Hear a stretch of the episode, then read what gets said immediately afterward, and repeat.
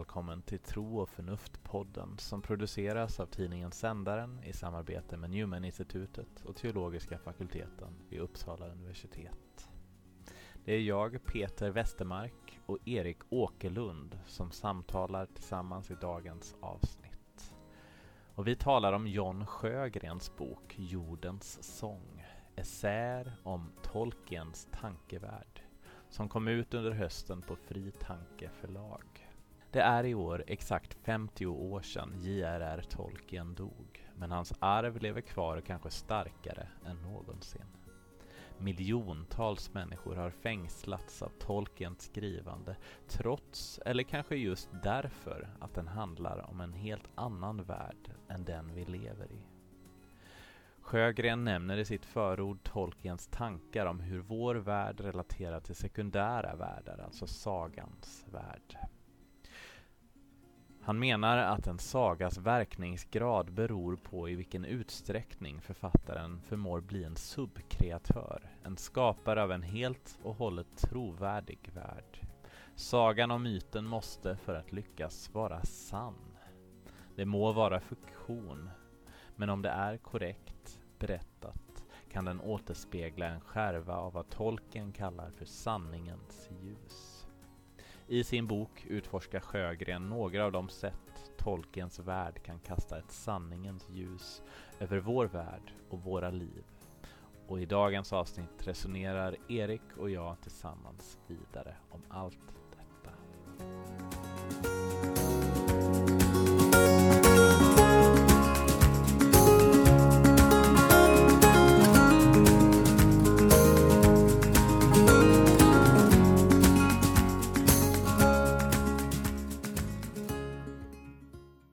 Välkomna till eh, Tro och förnuft som eh, vi idag gör som duo, nämligen mig, Peter Westermark och eh, dig, Erik Åkerlund. Precis. Och det är ju, vi gjorde den bedömningen att vi det är vi som kör det här avsnittet, för idag ska vi nämligen prata om Tolkien och närmare bestämt Jan Sjögrens bok om Tolkiens eh, författarskap, Jordens sång. Och Kristoffer visade sig inte vara Tolkien-nörd. Nej. Eh, så då körde, kör vi på det här helt enkelt. Nej, precis. Eh, och det är väl, det kan man ju säga på rak arm då, att det här avsnittet kanske kräver i alla fall lite förkunskap kring eh, tolken för att riktigt hänga med i svängarna. För det, blir mer kom... in, det blir mer intressant i alla fall eftersom det är ju det som det utgår från är ju en berättelse, en, en saga eller en, en historia. Eh, så det blir nog mer intressant i alla fall. Men vi ska försöka att prata så att eh, vi förutsätter så lite som möjligt ändå om av det. Ja, jag vet inte, har du någon proselyt till tolken på ditt eh, samvete? Jag, jag, är väldigt nöjd nämligen att jag lyckades få en kollega att se på alla tre filmerna efter att jag hade förklarat de teologiska och filosofiska djupen i det här eposet.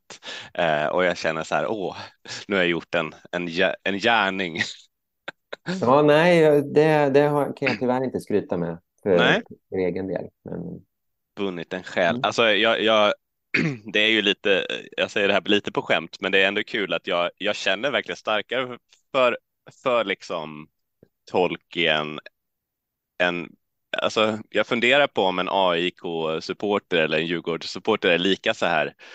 Jag kan bli så här, oj, tycker du, om, om någon verkligen hatar fantasy och Tolkien, då kan jag, jag kan bli så här, oj, vad, vad säger det om dig? Nej, men alltså, mm det är ju, man är väldigt olika där, det är vad man har för preferenser. Men jag märker att eh, det här kommer väldigt nära eh, mitt hjärta i alla fall på ett mm. ibland liksom så att det är nästan svårt att vara kritisk till det. Mm. Jag, jag, jag, kan läsa en kritisk artikel av någonting med tolken och bara aha, mm -hmm, okej. Okay. Men mm. jag, det är väldigt svårt för mig att verkligen ta till mig av något sånt. Mm. Hur, eh, Erik, vad, vad, var din första, ditt första möte med eh, J.R.R. Tolkien? Tänker jag. Så vi tar det här innan vi går in på, eh, på Sjögrens bok. Mm, lite vittnesbörd här. Mm. Eh, det var väl som många andra så läste jag Tolkien när jag var och blev väldigt fascinerad. Eh, och sen började jag läsa annan fantasy. Så jag läste fantasy upp tills jag var 14-15 år. eh, hur mycket som helst. Sen, sen måste man väl säga att eh, tuggas om lite grann. Har man läst en sex, sju olika fantasy-serier så. Eh, men Tolkien är ju unik och eh, är verkligen eh, betydligt rikare och eh, djupare på många sätt än, än fantasy. Och mycket annan fantasy kom ifrån Tolkien. Ja, många har ju skämtat det, om... Förlåt. Jag tänkte det var eh, det är väl det är böckerna i början och sen minns jag ju förstås när filmerna kom.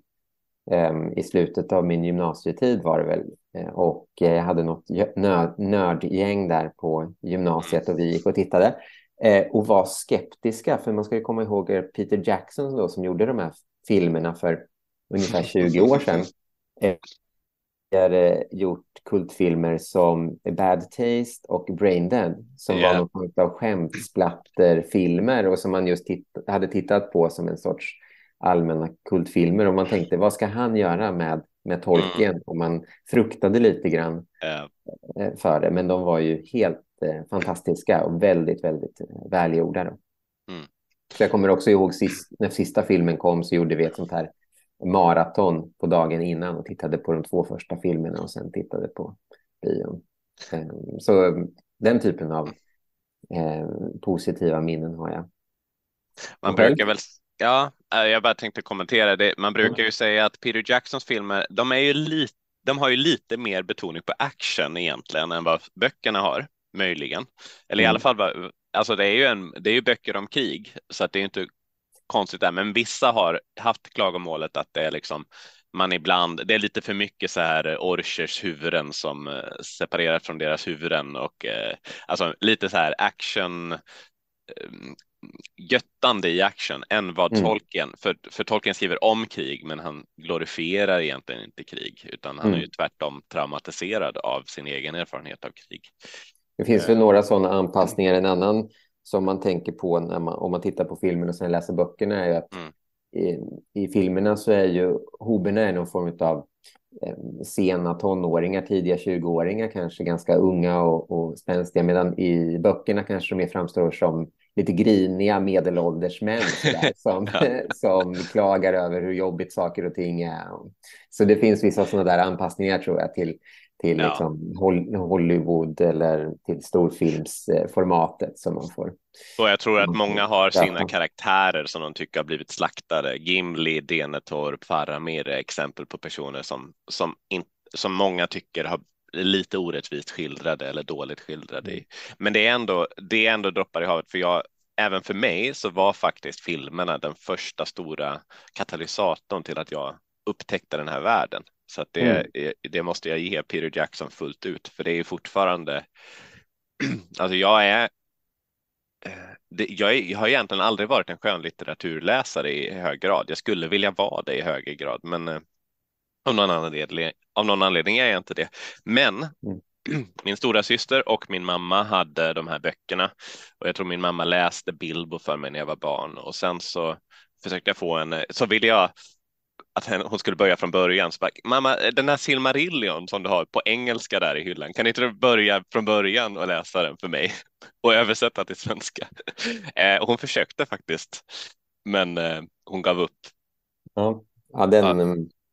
Men, kanske men, inte så bra att börja med. Och sen så kom vi liksom aldrig igång med det där. Men sen såg jag först den här animerade filmen från 77 av mm. Ralph Bakshi Eh, och den var egentligen det som började, ah, vad spännande. Det var nog den som fick mig att be mamma läsa Silmarillion. Mm. Sen så 2001 så kommer ju då eh, The Fellowship of the Ring med Peter Jackson och mm. när jag hade sett den, när jag kom ut från biografen så Ja, man kan säga att ett år senare så har jag läst alla eh, Ringen-böckerna. Jag har nog undrar om jag inte har börjat på Silmarillion eller läst den och köpt i princip alla andra böcker som finns på svenska mm. eh, och liksom börjat grotta ner mig. Mm. Och det är just det där, alltså. Um, det här är litteratur som på något sätt. Det här är ju någonting Jan Sjögren tar upp i sin bok också, att det är en. Det är kanske inte främst att det är den att det är den att det är så här det vackraste prosan man någonsin har läst eller typ att det handlar om liksom att det är så extremt välberättad eh, narrativ. Men att det är just den här världen som man sugs in i och den här mm. liksom det, det man möter, den den, eh, de varelser, den värld som skildras, att den är så rik och så verklig fast den inte handlar om vår värld, i, i alla fall inte som vi känner den. Tolkien har ju mm. en rolig mytologi om att det här är vår värld fast i för länge, länge sedan i mytisk tid. Liksom. Så mm. det finns ju där liksom. Mm. Eh, ja. Nej, men, men, vi kan, det är ett bra tema att komma in på också, för det har ju att göra med en syn på skapelse och Eh, och mm. författaren som en sorts eh, en, eh, en subkreatör. Men ska vi säga bara kort kanske också att det är ju år är 50 år sedan Tolkien gick bort, så att det är Tolkien-jubileum och det är en anledning att prata om honom och kanske även att läsa honom om man inte har gjort det tidigare. Och sen kanske vi bara kan börja med om du vill eh, mm. gå igenom lite Sjögrens eh, bok och upplägget eh, på den så kan vi sen komma till liksom, Tolkiens syn på, på skapelse och författare. Ja, eh, boken heter Jordens sång, essäer om Tolkiens tankevärld av Jan Sjögren och utgiven på Fri Tanke förlag. Och jag måste säga att det är bland de vackraste böckerna jag har eh, sett på mm. länge. Eh, bara sett till omslaget och det är ju sen, sen är jag ju jag blir ju glad bara av att se saker som påminner mig om Tolkiens värld och den här är ju, det är de två träden i Valinor. Eh, vad är de heter? Telperion och eh, ja, jag glöm, glömmer den andra namnet, men det är det är silverträdet och guldträdet som då lyste upp hela världen eh, och som, som fast de dog då av den ondes ingrepp så, så, eh, så lever de vidare även i senare Midgård. Och, och de där och för träden. De som har sett, för de som har sett filmerna så är det ju, eh, kommer ju det här trädet i Minas Tirith Exakt. som eh, figurerar. Eh, det, det, är en ättling till ett av de här träden. Mm. Exakt. Nej, men alltså, och trädet är ju en, en av många Tolkienska symboler och på, det finns ju några sådana i som löper genom hela den här boken kan man säga. Boken är nio essäer som på ett sätt är fristående på varsitt tema, men som också har en röd tråd som löper från den ena till den andra. Så man märker ju att det är, det är nog ändå bra att läsa dem i ordning för att han tar upp tema, han väver, spinner vidare på tematik som redan har tagits upp tidigare. Och, och jag tyckte det var ganska lätt på ett sätt att säga vad varje, eh, varje kapitel har, varje essä har liksom sin tematik.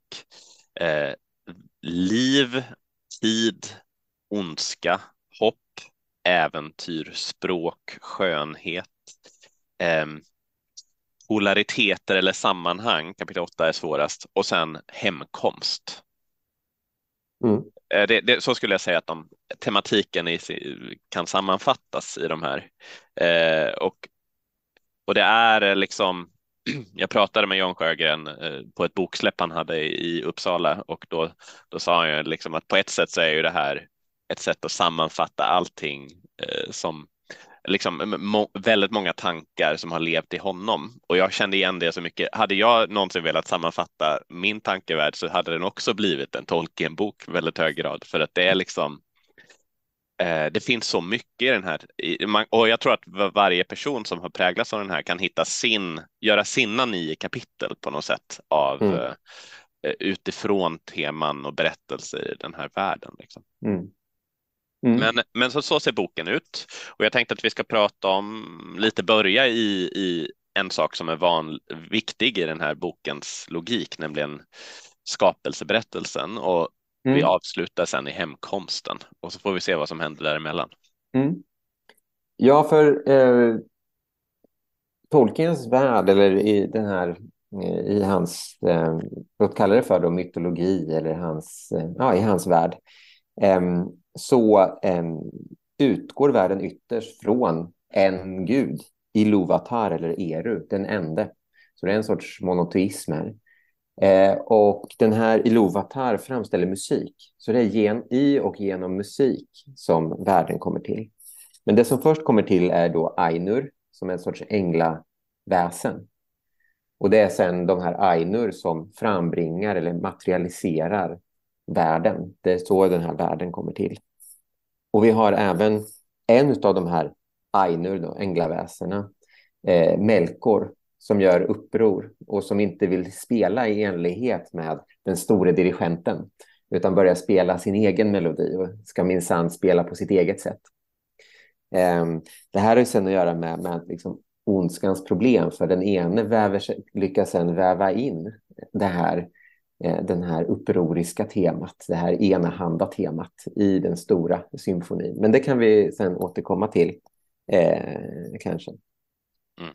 Eh, men det är då musik egentligen som ligger eh, i grunden i, i skapelsen. Det är det sätt på vilket skapelsen kommer till och även världen runt omkring och allting är i grunden musik. Jag tror inte att det är, är för mycket eh, att säga, eh, säga det. Och visst är det så att man kan säga att här syns ju som på många ställen Tolkiens eh, liksom medeltidskännedom på något sätt. För att det där ja, är ju en, mm. bland annat, alltså det är ju bibliska teman också, men det, det mm. där är ju en väldigt eh, viktig bild även i, i hos medeltida tänk, kristna tänkare, alltså att the, the, the music of the spheres, liksom att hela världen är en stor musik på något sätt, harmoni.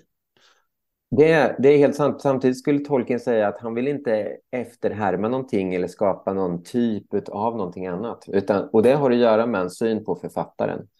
Författaren är enligt Tolkien en, vad han kallar subkreatör. Det vill säga författaren avbildar inte det i grunden som finns i världen runt omkring. Det skulle vara en sorts återgivning av återgivning av återgivning. Författaren går till själva verklighetens, till skapelsens källor och skapar ur den en värld. Så när, när han skriver om, för att ta ett enkelt exempel, gräs, så är det inte så att han ser gräset här, utan han går så att säga till, författaren går till själva grundidén för gräs, för allting som finns här och, och går till dess källor och rot och skapar utifrån, utifrån det. Och det är det som kanske gör det så svårt att, för, att förstå också hans, eh, hans självförståelse vad gäller vad det är han skriver. Han är väldigt noga med att han skriver inte en sorts eh, analogi, en sorts liknelse eller någonting sånt där, utan han skriver historia.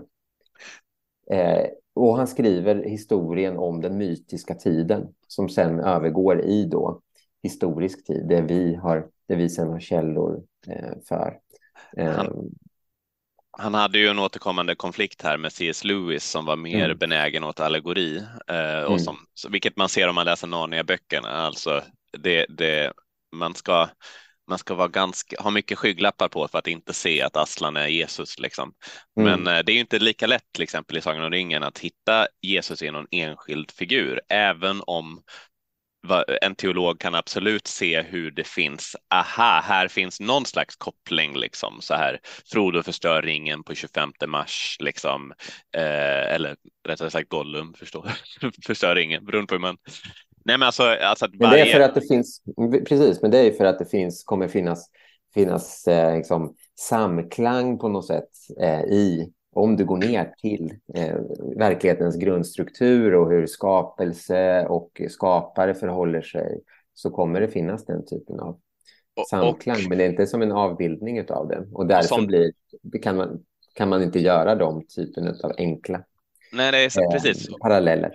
Och som du säger, han skriver historia för han tänker sig att det här hände före liksom nästan mm. hela mm. vår, den historia vi känner till i mytologisk mm. tid. Och därmed så kan han ju inte skriva in Jesus i den här världen, eh, alltså någon som direkt motsvarar Jesus, för att han tänker sig att det Jesus gör fullkomnar det som sker i den här i någon mening. Alltså, mm. han, alltså det vill säga, han kan inte inkarnera Gud på det sättet eh, i i den här världen, utan kan, det, mm. det, är mer som, som i Gamla Testamentet med förebilder, skuggor av det som ska komma på något sätt. Mm. Um, det där är ju... Här kanske man också bara kan nämna eh, hans syn på språk, för det har ju med, med det att göra egentligen. Att språk ligger, ligger egentligen närmare då den här skapelseakten än, än den materiella verkligheten runt oss. För det språk blir en sorts delaktighet i den här musiken. Och han, Tolkien själv börjar ju med att utveckla språken. Sen kommer berättelserna, historierna om dem som talar de här språken. Mm. Men egentligen finns hela, allting där de är finns redan inkorporerat i själva språken. Och det har det med den här synen att göra. Och jag menar, och det här, det här är ju någonting som jag tycker är väldigt, alltså för, för Sjögren säger på ett väldigt vackert sätt om liksom när han går in i, när han läser om Lothlorien eller när han har med sig berättelsen om Lothlorien och sen går ut i en av våra skogar i vår mm. värld, den primära världen som Tolkien beskriver då. Mm. Då är det som att det är inte, det är inte så att Lothlorien påminner om en skog vi har sett i den här världen, utan snarare när jag går ut i en vacker skog, när jag tänker på, när jag gick ut som barn i skogen nedanför, eh, utanför mitt pojkrum eh, i Halland, liksom, eh, ekskogar med vitsippor överallt. Den påminner mig om Lothlorien snarare mm. än tvärtom.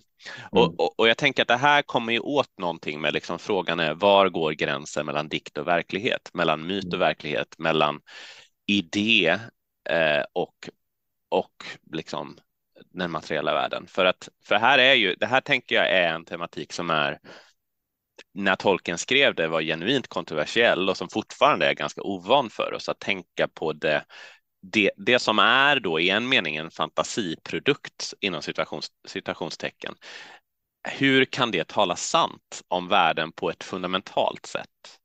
Mm.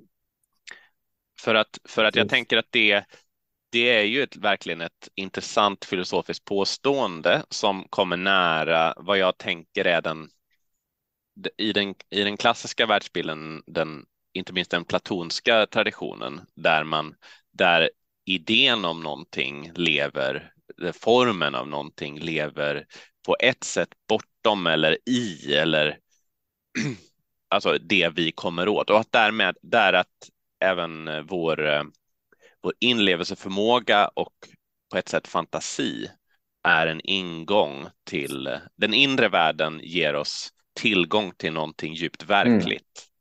Mm. Mm. Och, och, det tycker jag blir tydligt i Tolkiens och det kan, kan man väl säga, Sjögren går ju också in på det att det är en sorts modernitetskritik. Och mm, om man tar det från det hållet då kan man väl säga att eh, man kan beskriva moderniteten som att meningen har sugits ur världen. Mm. I den mån vi ska hitta någon mening så måste vi ha den eh, själva. Eh, och eh, du nämnde tidigare medeltiden. Och Tolkien vill ju inte gå tillbaks till den på det mm. sättet. Men det är ytterligare en aspekt han hittar ändå i medeltiden. Att du har den här då, eh, meningsfullheten. Världen är sprängfylld eh, i sig av, av mening och vi, vi hittar den, den meningen. Och just den delen, den aspekten vill han då kan säga, återhämta eh, mm. eller återvinna. Eh, Låta oss se igen. Och det är det då som när du säger att du känner igen eh, Lothlorien i skogen du går i. Ja, I hans berättelse så, så Eh, så ha, har du det, liksom, den sprängfyllda meningen i hans värld.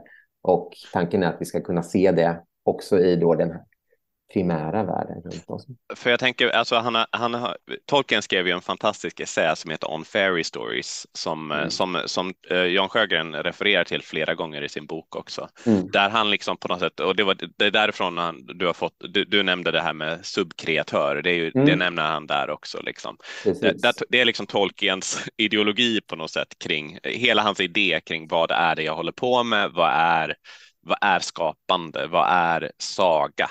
Och mm. vad är myt och allt det här liksom, som mm. var väldigt fundamentalt för honom. Någonting han verkligen, ett ärende han hade i allt han ville skriva och förmedla och prata om.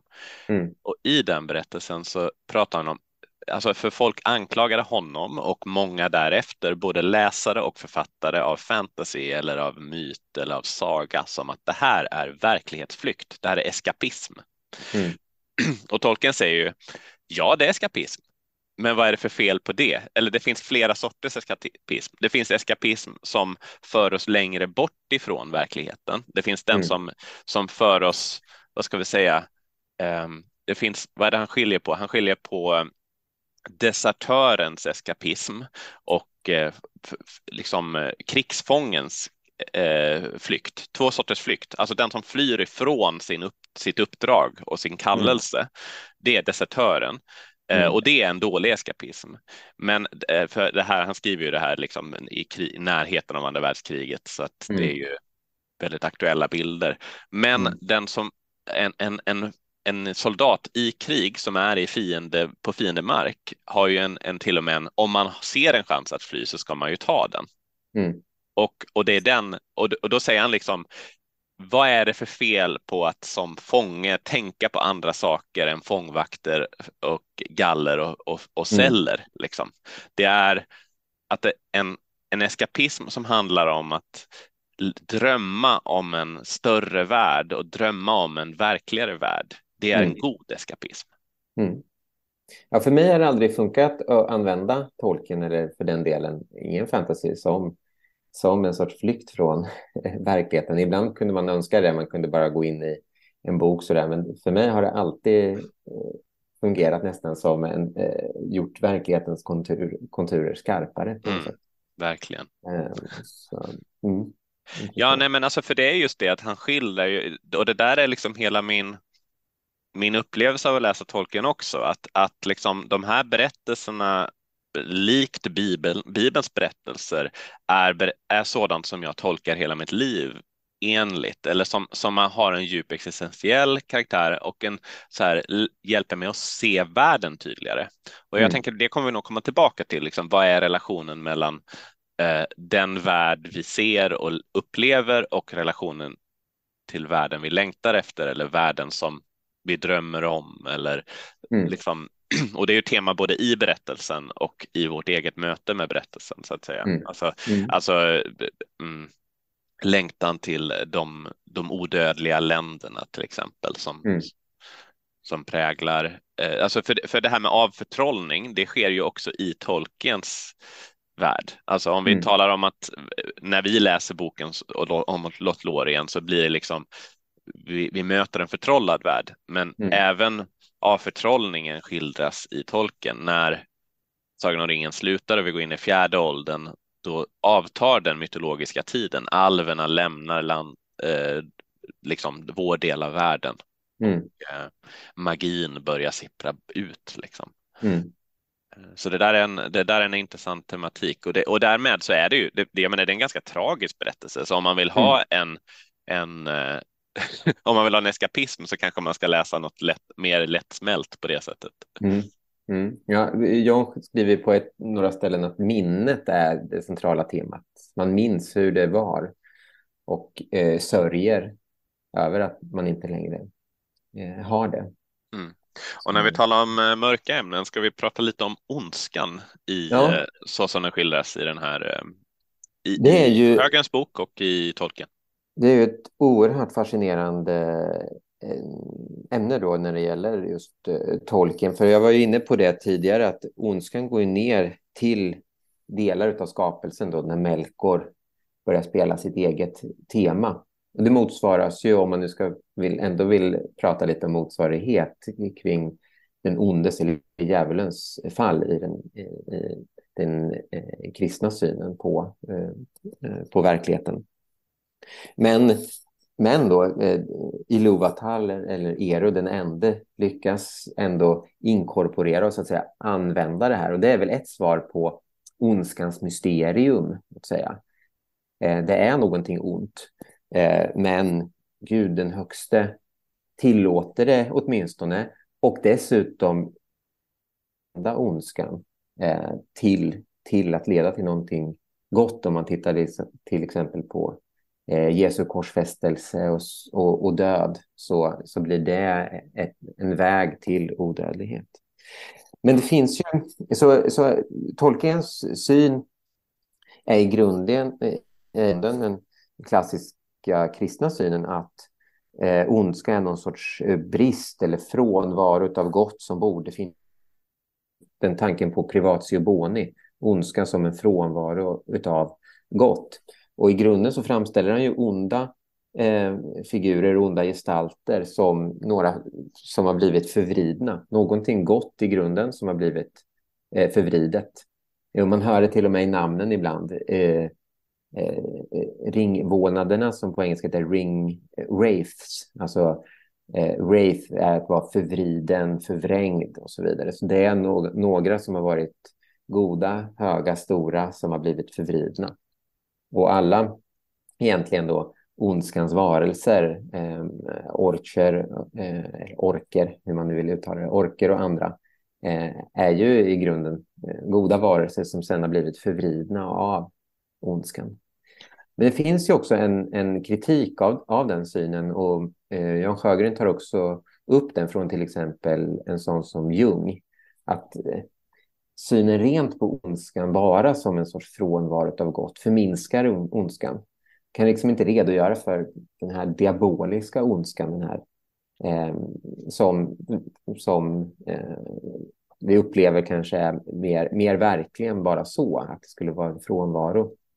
Och det finns delar eh, som eh, Sjögren också återger då, där tolken går över till, eh, från att prata just om eh, ondska som frånvaro av gott, det mörka just som frånvaro av ljus, till att någonting mörkt, någonting ont närmast får någonting substantiellt och i sig verkligt, som en sorts positiv ljuslöshet.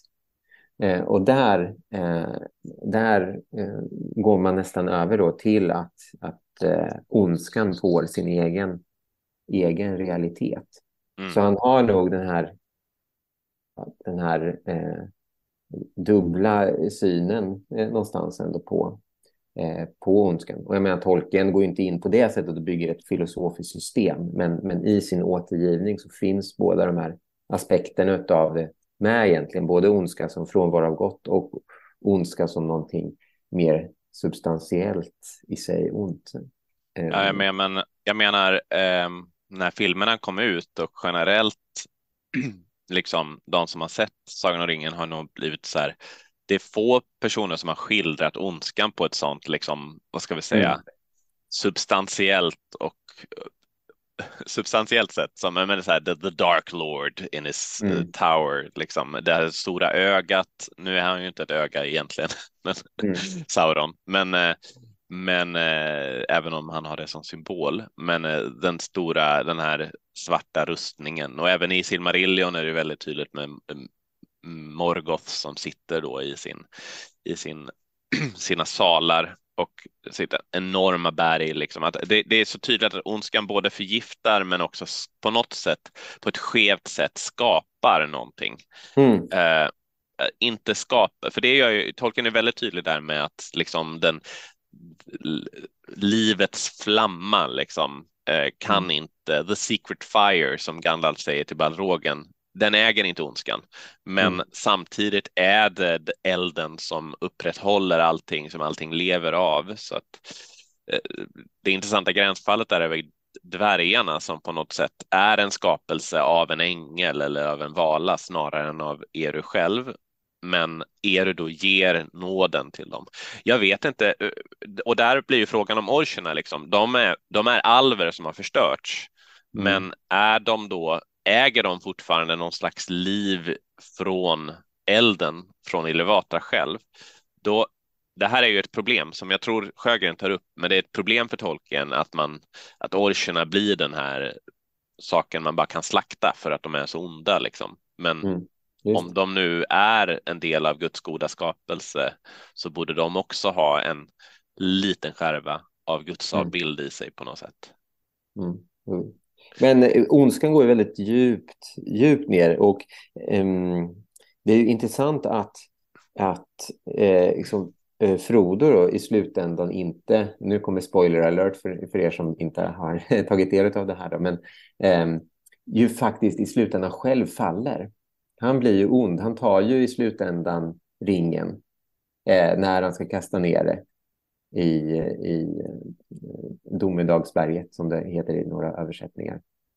Eh, och det som händer då, men det kan man säga med, också i, i, relation till ondska i och för sig, ta upp det här be, eh, begreppet eukatastrof, eucatastrophe, alltså motsatsen av en, en, en katastrof, eh, apropå hur ondskan på ett sätt används.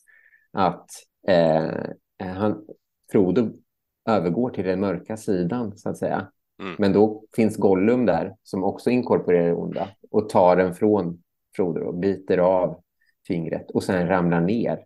Och sen då så eh, förstörs ringen på det sättet.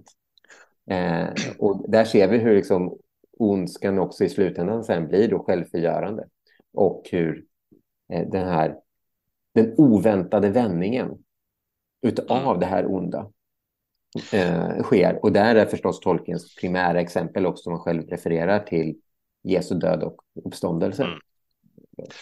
Och, och, jag tänker att eh, det är ju trots att Tolkien, som man säger, så att säga, troligen efter alla sina erfarenheter av krigets hemskheter, eh, första världskrigets hemskheter mm. framför allt, eh, har ju verkligen ett ärende i att skildra ondskan så varande verkligen hemsk och ond och diabolisk. Så, så gör mm. han ju tydligt i sin skapelseberättelse till exempel att Melkor tror att han har vävt in sitt helt egna tema som går på, helt på tvärs med Iluvatas planer. Men, mm. men Gud säger till, eh, till honom, du, vad du än gör så kommer jag att inväva det här i min musik och göra den ännu större. Eh, alltså på något sätt i slutändan väva det till någon slags, eh, till, till en det, att det inordnas under mina planer. Då. Mm. Och det är väl det som så att säga, är den spänning eller det mysterium eller paradox eller vad man vill kalla det för som man inte kan lösa på det sättet eller upplösa. Eh, å ena sidan, det onda är och förblir ont och å andra sidan det vävs i slutändan i ett sorts eskatologisk eh, verklighet in i, i en, en helhet som vi ännu inte kan se. Och det, det är en spänning som vi också lever med i våra egna liv. Mm. Nej, men, och det är ju till slut man, man måste välja mellan om ondskan har samma, kan, kan sägas ha samma, eh, om man tror på att det goda till slut ska segra så måste man fundera på vad, vad Gud verkligen gör av det onda på innan dess då och om mm. det var liksom. Mm. Nej, men och, och jag tycker det är intressant nog så tycker jag inte Sjögren heller själv landar så tydligt i vad som är typ den rätta uttolkningen av tolken här eller ens han säger ju sista sidan av det kapitlet. Det är som om tolken inte riktigt själv är färdig med frågan om ondskan och vem kan egentligen säga sig vara det? Mm. Så det, det, just det här att man får leva med mm. härbärgera komplexitet som vi har pratat om. Mm. Men vi kanske kan gå in lite också på det här eh, i samband med det andra polariteter. Det är också ett framträdande tema och som man också tar upp. Själva själva bokframsidan har man ju en, en polaritet. Eh, silver mellan och silver, silver och guld. Och det, det är ju ändå ett, ett, ett genomgående tema där man återigen, om man ska ha en sorts modernitetskritik, där man inte är så bra på att hantera eh, polariteter just. Och där eh, Sjögren hänvisar då till eh, Carl Gustav Jung återigen med att visa på de här eh, polariteterna som, som finns och upprätthålls i, i eh, Tolkiens värld. Mm. Och där är det väl återigen det här med Tolkiens förståelse av sig själv, att de här polariteterna eh, såsom manligt, kvinnligt, ljus, mörker och så vidare, de går ner som arketyper, som någonting ännu mer grundläggande i verkligheten och som han då skriver utifrån. Eh, precis som att också vår värld utgår från sådana Eh, den typen av arketyper som ofta har, har den här polariteten eh, i sig. Och jag tänkte, jag tycker det var en läsnyckel faktiskt som hjälpte mig att förstå ytterligare några saker om tolken som jag inte har tänkt på tidigare, som till exempel det här han tar upp med att alverna och människorna inte ska ses som du vet, människan är människan och alverna är någonting helt annat. Liksom. Mm. För man kan fråga sig där, man, ibland tänker man att ah, alverna är lite som änglar eller så där, liksom. men valar mm. och majar är ju snarare som änglar. Vad är då alverna? Jo, men alltså att på ett sätt så är det en annan sida av människan. Mm. Och att hoberna, alltså att hoberna respektive alver är två sidor utav, eh, utav det mänskliga. Um, och då kanske man kan gå över till den här eh, frågan som, som också um, John slutar med, det här med mm, hem, hemkomst. Eh, som då också rymmer de här två olika typerna, en polaritet som representeras i, eller som får sitt uttryck då i, i, be, i berättelsen eh, av eh, Frodo respektive Sam. Mm. För det är precis, vi var kommit in på det tidigare, den här liksom, att det finns dels den här längtan, alltså när alverna skapas i skapelsens morgon för eh, sett ur deras perspektiv i alla fall, när stjärnornas tidsålder, när, när eh, i Kuivinen, tror jag det heter, i, långt i öst, så vaknar alverna upp till under stjärnorna och känner en kallelse till de odödliga länderna. De ska gå mot väster, de ska mm. ta sig dit och sen så beskriver tolken hur några stannar nästan direkt, några kommer liksom typ till kustländer. Några ger sig inte av alls, några går en liten bit, några går till kustländerna precis på stranden mot det stora havet mot mm. väst. Och sen så är det några som åker över. Och av de två grupper som åker över, eh, det är väl Vaniar och eh, Noldor, va? Eh, tror jag det är. Och några stannar kvar i Valinor i de odödliga länderna och sen så handlar ju Silmarillion till stor del om Noldor som gör uppror mot gudarna, mot, mot valar och, mm. ta, och, och gör ett uttåg och, för att de ska jaga den onde då liksom. Eh, gör ett mm. uttåg tillbaka till Midgård liksom. Och hela den här resan fram och tillbaka tänker jag skildrar, eh, ja men på något sätt eh, de odödliga länderna sen finns ju där och så småningom så bryts den av från världen allt mer och mm. eh, det är ju bara alverna som egentligen riktigt får ta sig dit på ett sätt. Mm. Eh, men, men det är ju eh, någon, det är liksom himlen för, dem, för väldigt många i Midgård. Mm. Och, eh, och då är det som du är inne på, polariteten mot den Midgård och Fylke och liksom den, de vackra platserna på, där man är. Mm. Och det är också den där, den där längtan då som de har. Det, det, det är någon sorts smärta i att, eh, att eh, inte få, få vara där. En sorts längtan hem då. Mm. Som ju egentligen går igenom i, i så att säga, hela skapet. Allting vill tillbaks till det ena. Det är egentligen mm. det, det ny, nyplatonska eh, förståelsen av att allting som har utgått från det ena i, i, i Tolkiens, eh, med Tolkiens namn Iluvatar och Eru eh, längtar tillbaks dit och det tar sitt uttryck på, på olika sätt. Då. Och eh, det, det, är precis så med, med alverna där. De längtar till västern. Eh, mm. Och när vi, på, i livepodden vi hade så pratade vi om det här med exitus och reditus-mönstret. Mm. Och det är ju just det här. Mm. Det är just den här beskrivningen av människan som utgående från Gud men också tillbaka längtande till Gud. Och, mm. vad som, och då är frågan liksom så här, vad gör vi i den här världen? Vad ska mm. vi, vad, vad är vi till för? Vad behövs den skapade plural, pluralistiska världen för mm. när vi bara vill tillbaka till det enkla och ena och ljusa liksom? Mm. Jo, men, men det, det, ja. Ja, men alltså att det finns en slags kallelse där att vara som den förlorade sonen, eh, att vara som den som på något sätt är ute i, i den stora världen och, på något sätt på ett äventyr innan man sen kan återvända hem. Och, och att med... allting är så fantastiskt vackert. Ja. Att eh, det är musiken som skapas. Den, den har ju ett, ett, ett, ett värde. Det är, den, det är det som världen är, ett utgående och den här vackra harmonin. Och det säger ju Sam, att det är det vi, vi hänger fast eh, vid. Att det finns någonting gott i denna värld och att det är större än, än det onda. Så att det, det, det, det finns dessutom ett sorts eh, eh, ett slags egenvärde i det. Men det representeras ju lite då utav, utav Frodo respektive Sam. För Frodo får ju nåden att följa med de sista alverna bort i väster, bort till de odödliga länderna. Eh, och det representerar just den här ständiga längtan bort och vidare. Medan Sam då, eh, som har följt med honom hela vägen och som i grunden är trädgårdsmästare, väldigt rotad, jordnära person, eh, eh, kommer hem till sin fru och sina barn. Och det är det som är sista orden både i, i trilogin och i John Sjögrens bok då. Eh, så får han säga, då var man hemma igen. Det är well, I'm back. Och det är då, vad säga, människan har, rymmer båda de här aspekterna av att längta hem.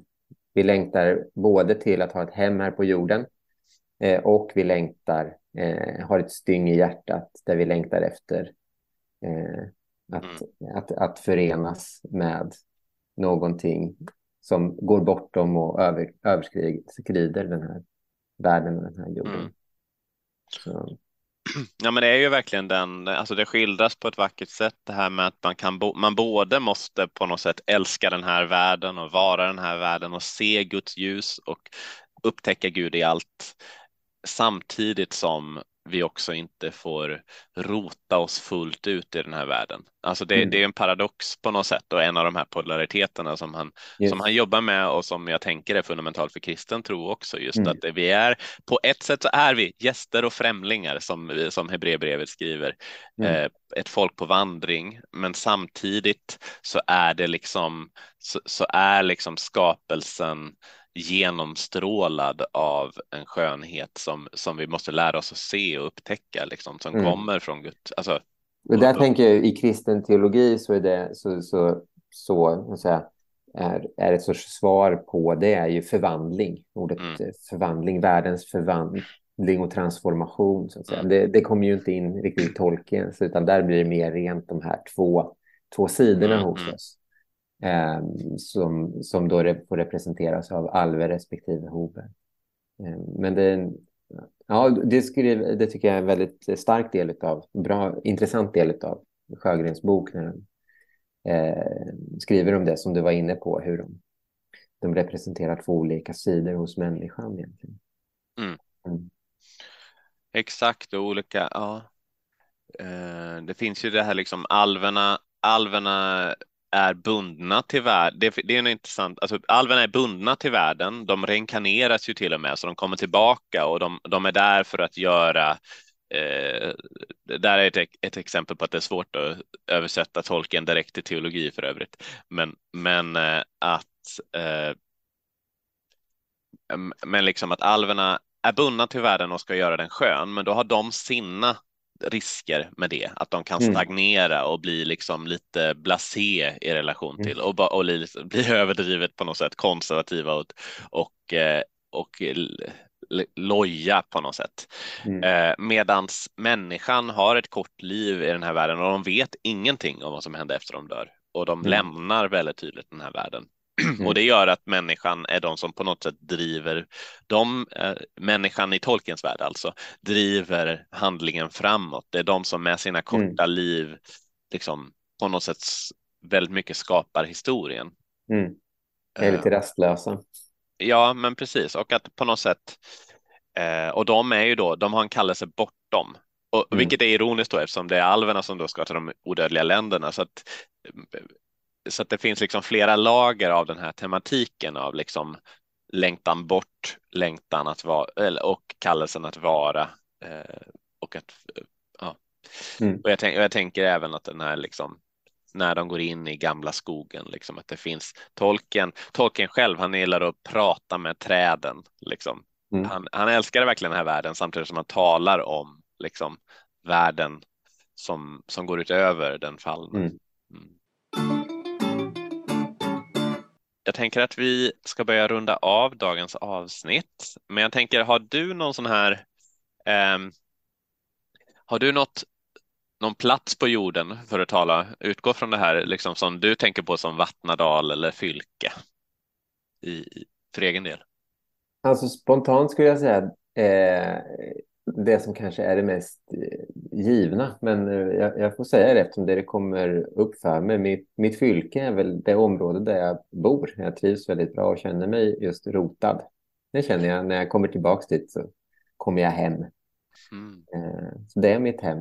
Och det är alltså, mm. förlåt, det är där du bor idag? Ja, mm. det, min, det skulle jag säga. Och mitt Vattnadal, spontant skulle jag säga kyrkan där jag går. Min hemkyrka, min hemförsamlingskyrka. Som egentligen är ett väldigt,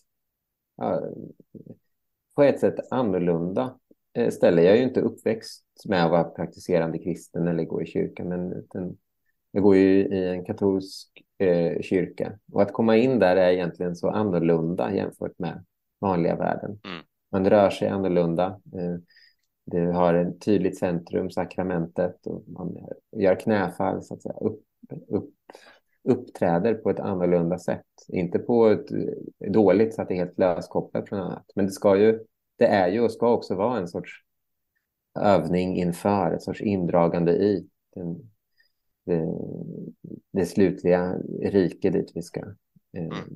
komma. Och det där är firar mässfirande och så vidare. Så det är väl de. Det är mitt, mitt hem och min kyrka egentligen som för mig eh, representerar eller är det jag tänker på som Fylke och Vattnadal. Och du? Det. Ja, nej men det är intressant. Ja, Vattnadal blir ju lite, det är ju precis i mitten på Fellowship of the Ring va, som de kommer dit. Det är liksom verkligen på vägen mot uppdraget, men, Mm. men man är liksom på en trygg plats mitt i det. Så, det var, så jag måste nog säga vad gäller Vattnadal att det är samma sak. Det är kyrkan, ehm, att det är eh, liksom mässan, att få bara kliva in i evigheten en stund, men Mm. med kallelsen vidare mot Mm. Mordor. och ytterst sett tillbaka till Fylke och till Vi behöver inte de gå in på vad länderna. mor, mor, vi Mot Mordor, det, det, får vi, det får vi hålla till oss själva. Mm. Men eh, jag minns, eh, bara parentes här då, jag, jag delade ut post en gång en vinter och då läste jag, lyssnade jag på Sagan om ringen som ljudbok och då var jag, det var verkligen så här 20 grader kallt och jag var tvungen att dela ut post och jag lä, hörde om Sam och Frodo som törstar i Mordor och jag kände bara, det här är, jag är i Ismordor nu. Ja. Eh, mitt fylke är nog min barndomsskog som jag nämnde tidigare. Mm. Alltså så att det är, just nu så bor jag liksom centralt i Uppsala och kan längta ut till liksom de vackra lövskogarna eh, Mm. som, som finns fler av i Halland. Eh, Mm. I övrigt längtar jag inte så. Jag längtar inte så mycket till övriga delar, typ Halmstad, där jag, men jag längtar till några skogar i, i Mm. Åled utanför Halmstad där jag växte upp. Liksom. Mm. Det är liksom några de, de, de blev liksom laddade med någon slags mytologisk mening där och, Mm. och, och närvaro som, ja, som är svår ersatt. Så att ofta, alltså de sitter väldigt nära ihop med de här liksom, Mm. eh, ja, med någon slags eh, visioner av Lothlorien och, och Mm. himlen och så där. Så att det, ja, Mm. det, och det säger någonting om hemmet, liksom hemkomsten, att det Mm. är liksom, det är flera lager i det. Mm.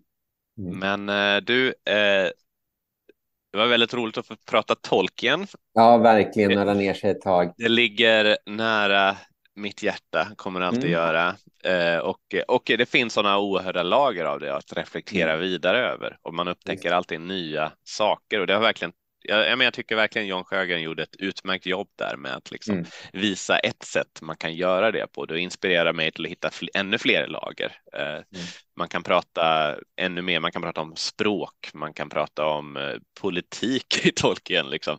eh, och eh, vilket tydligen John valde att klippa bort från sin bok. Liksom. Mm. Men det finns så många lager man kan Mm. tänka på utifrån det.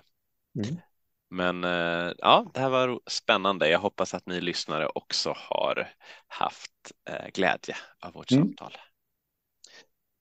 Tack så mycket. Tack och hej.